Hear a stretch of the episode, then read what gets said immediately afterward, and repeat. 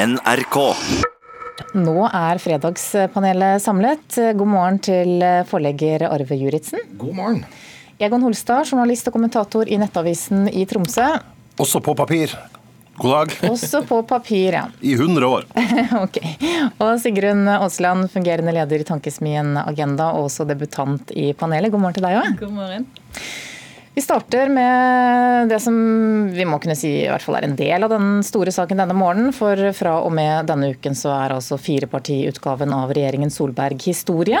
I all hurlumheien så får mediene kjeft for å drive kampanjejournalistikk. Vi i NRK også, men i Dagsnytt 18 så satte Siv Jensen fingeren spesifikt på Aftenposten. Altså, du må huske på at denne saken har skapt ganske mange sterke reaksjoner hos oss. Ikke minst fordi eh, vår stortingsgruppe og vårt parti fikk vite om dette ved at Aftenposten publiserte en sak om det. Vi rakk altså aldri eh, å informere partigruppen vår om en beslutning eh, og hvordan Fremskrittspartiet hadde stilt seg til den. Jeg skjønner veldig godt at det skaper reaksjoner, men i denne saken fikk vi altså rett og slett ikke muligheten til det, fordi mediene var så ivrige etter å publisere at vi ikke kunne komme dem i forkjøpet. Det sa altså Siv Jensen i Dagsnytt 18 litt tidligere i uken. og Spørsmålet til panelet er var det Aftenposten siden de gikk så tidlig ut med saken som indirekte felte firepartiregjeringen? Start med deg, Sigrid. Nei. Egon? Nei. Arve Juritzen? Ja, jeg svarer ja. ja. Bra, da er vi litt uenige her. Hvorfor ja? Nei, altså Siv Jensen sa nå at ikke mulighet til å fortelle om dette. Så hva hadde skjedd hvis Aftenposten ikke hadde avslørt det? Hadde det da bare forblitt i skuffen? Eh, hadde de håndtert på en annen måte? Det virker jo nesten sånn implisitt at hun sier at dette hadde vi fått til hvis, hvis vi bare hadde fått gjøre det i vår rekkefølge. Så jeg syns Aftenposten her har gjort en god jobb. Eh, kan nesten nå skylde de for å ha drevet PR for Frp mer enn noen andre, i og med at Frp nå har gått ut og får all den store oppslutningen de har gjort. Tipper ikke det var Aftenpostens plan, men jeg syns de gjorde en god journalistisk jobb. Og ja, de har vært med på å gjøre denne regjeringsskiftet. Mm. Sigrid Nåsland, du er ikke enig? Nei, jeg tenker det blir nesten det blir en helt absurd kritikk fra Siv Jensen, som også som partileder har valgt å gå ut av regjeringen. Eh, så kan man lure på har har de blitt overrasket over sin egen organisasjon? Eh, det er jo i så fall litt rart. Eh, eller har de planlagt dette lenge? Og uansett så er det jo som Arve sier, ikke så lett å lese dette som noe annet enn valgtaktisk av Frp. Gå ut nå, eh, sanke litt flere stemmer. De har jo slitt på meningsmålingene ganske lenge. Mm. Egon Holstad, eh, Hallo. Hallo, ja. Eh, har mediene tatt parti i denne saken?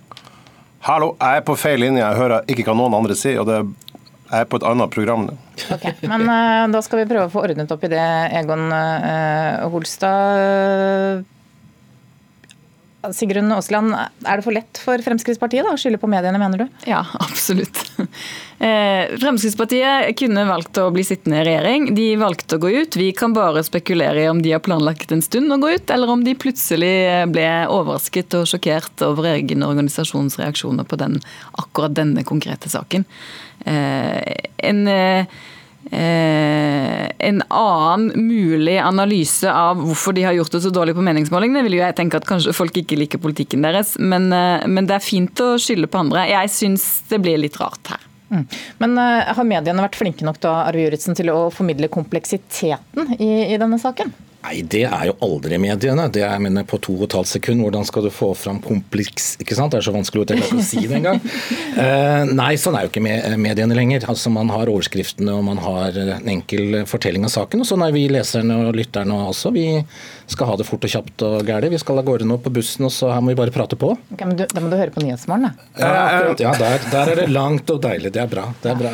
Da er du tilbake med på Nordstad. Ja, jeg var plutselig bare ute her en tur, uh, av tekniske årsaker. Uh, I hvert fall Eh, det jeg tenker, Hvis det er sånn at vi, at vi velger å være like naive som Arve Juritzen og faktisk tro på Siv Jensen her, at vi, at vi, legger til grunn at det hun sier stemmer, så bør jo i så fall Frp sende digre blomsterkaster og kasser med bananlikør til eh, Aftenposten og si tusen hjertelig takk.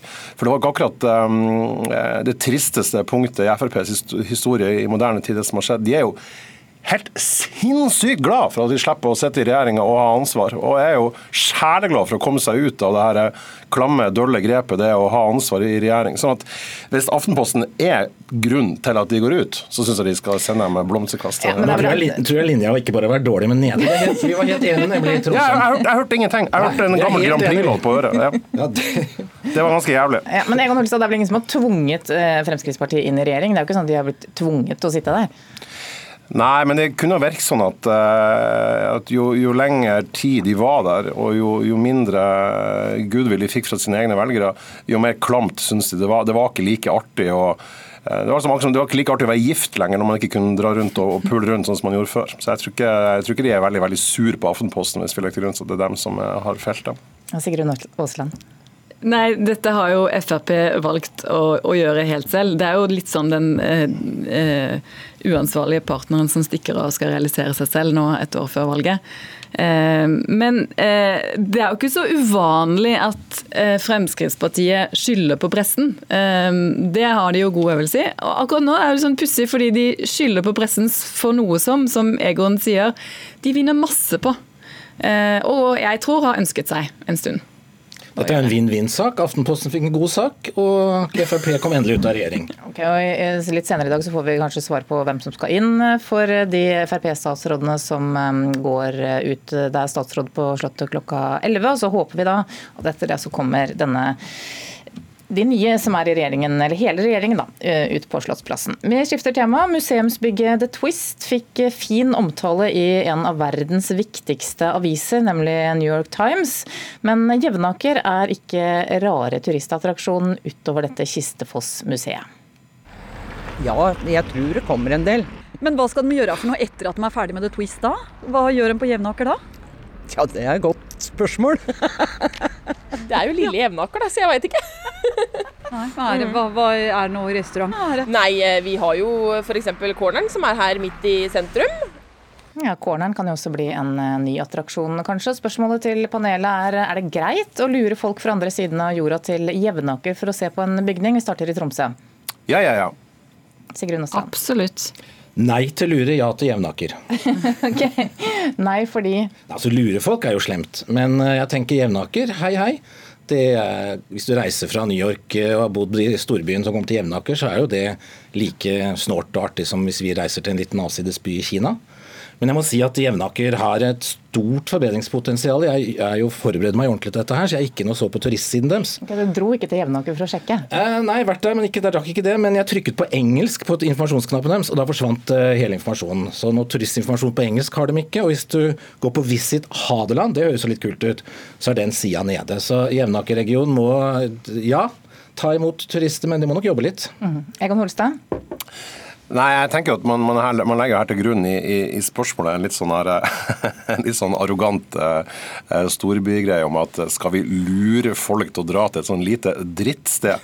Um, jeg synes jo Jevnaker det, det, det var for å få opp engasjementet, da. Det ja, ja, ja, det var for å få opp engasjementet, men det lå et slags uh, ibakt, slags ibakt storbyarroganse i det. Eller storby Oslo er ikke engang det i, i, i, den store verden. Men jeg tenker det at, um, det at et sted som Jevnaker får masse turister, det er for det første så er det ikke noe nytt for dem. De har et, eh, et velbesøkt museum fra før. De har også Hadeland Glassverk, så vidt jeg vet, er en av Norges største turistattraksjoner som allerede er der. Ja, men Er de nevnt i New York Times? Nei, de er ikke New York Times, men det snakker om at de skal lures til lille, lille Jevnaker. Da kan de få med seg flere ting. Altså, det er jo en gang sånn at Hvis du bor i New York, så er det helt enormt eksotisk å komme til, til mindre plasser. Jeg er selv fra et tettsted i Nordland som heter Fauske. Jeg syns flere burde dra til sånne plasser og, og oppsøke dem. Det er, ligger masse gull skjult uh, i, i Distrikts-Norge. og jeg tenker at uh, Når man hører intervjuet som var med de folkene fra Jevnaker, så hva de kom til å tro om å få masse amerikanere dit, og sånn, så var de helt sånn her Nei, jeg går nå livet vårt videre, og vi gjør nå det vi alltid har gjort. og De får nå bare komme og gå som de vil. og Ganske rart det der kunstopplegget oppe i skauen og oppe i elva, men uh,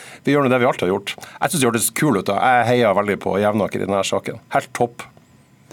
Jeg også eh, tenkte nok at premisset her kanskje var litt storbyorientert. Eh, jeg har vært ganske mye på Jevnaker, og det er helt riktig. De har jo Glassverket og de har Twist, eh, og det er masse flott man kan gjøre på Jevnaker. Man kan bade i Randsfjorden f.eks. Eh, jeg tror Jevnaker vil rise to the occasion, som de ville sagt i New York Times. Men også så er det jo sånn at det finnes masse flotte kunstmuseer i mange store byer i verden. Og et lite sted som Jevnaker er jo mye mer eksotisk for mange.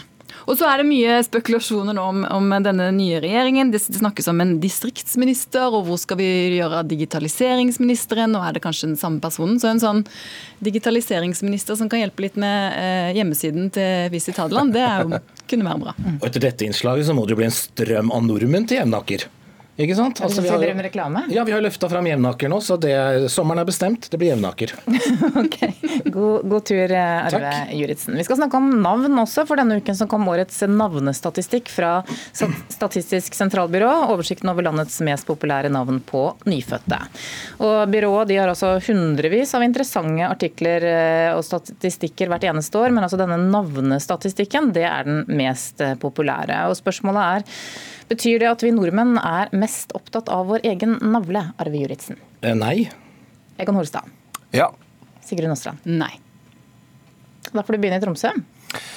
Ja, altså Det er jo det som gjør eh, nordmenn til noe så ekstremt eh, spesielt. Eh, I motsetning til folk som er da fra eh, Djibouti og Botswana og eh, Finland og Sveits, så er da nordmenn opptatt av Norge. Det er jo helt, helt, helt unikt.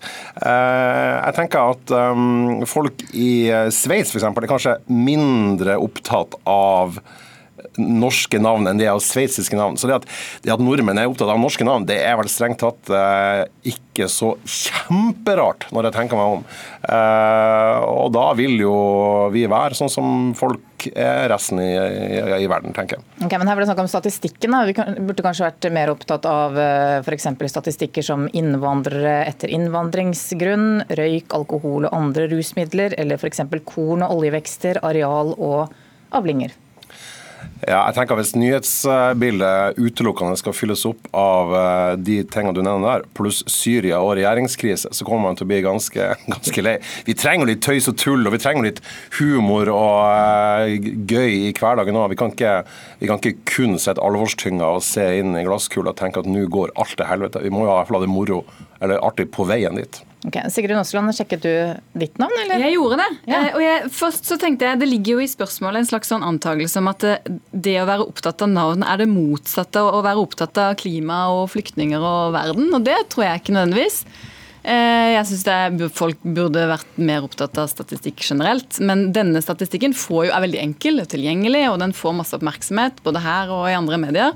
Eh, mye mer enn lønnsstatistikk og, og mange av de statistikkene som du eh, nevnte. Eh, men jeg har sjekket. Jeg har jo et navn som ikke er særlig populært, dessverre. Sigrun hadde en sånn høyde på 1930-tallet. Eh, og jeg, alle vi her, for jeg sjekket Arve og Egon og Anne også. Oi, oi, oi. Siden jeg er glad i statistikk og opptatt av verden rundt. Um, vi er jo ikke særlig populære, noen av oss, dessverre. Arve er helt ute nå. Og Det var liksom det- under linja. Ja, og jeg syns det var trist at det ser faktisk ut som i 2019 så var det ikke ett eneste barn som fikk navnet Sigrun. Så det uh, er kanskje navlebeskuende, men, men uh, likevel verdt, verdt å nevne. Okay, men Hvis det har denne Jevnaker-effekten, så betyr det vel at nå er det mange barn som blir kalt for eh, Sigrun etter dette innslaget i, i Fredagspanelet. Hva med deg, Arve? Har du sjek sjekket statistikken? Ja, men altså, jeg, hang, jeg er veldig ordentlig, så jeg hørte nå at du spurte om vi er opptatt av vår egen navle. Så jeg tenkte at det er jo det du vil ha svar på.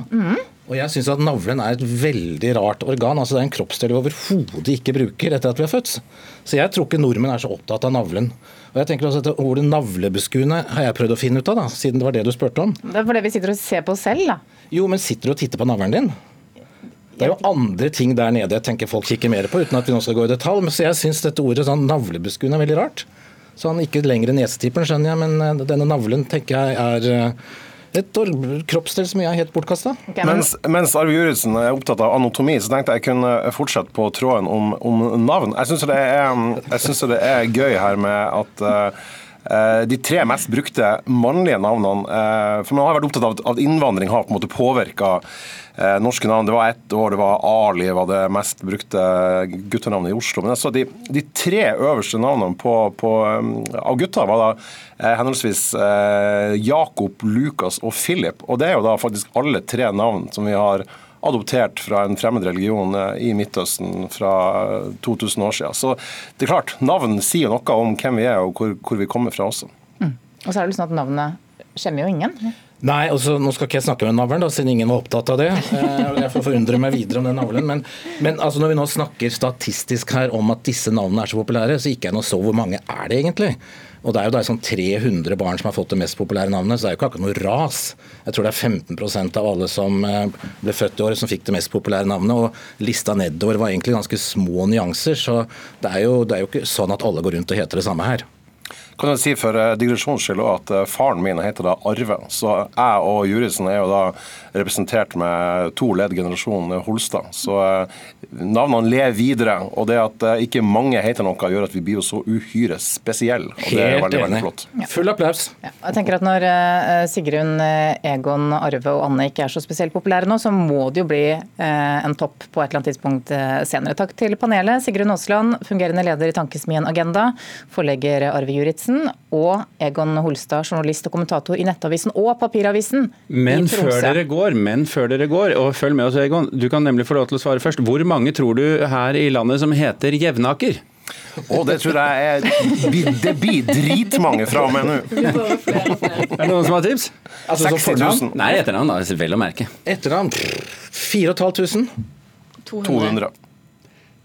Det står på SSBs sider det er 200 personer som har Jevnaker Oi. som etternavn. Wow! Masculine intuition! Premie til Det sa det samme samtidig en gang. Ja, det er premie til begge to, Sigrun Aasland og Egon eh, Holstad.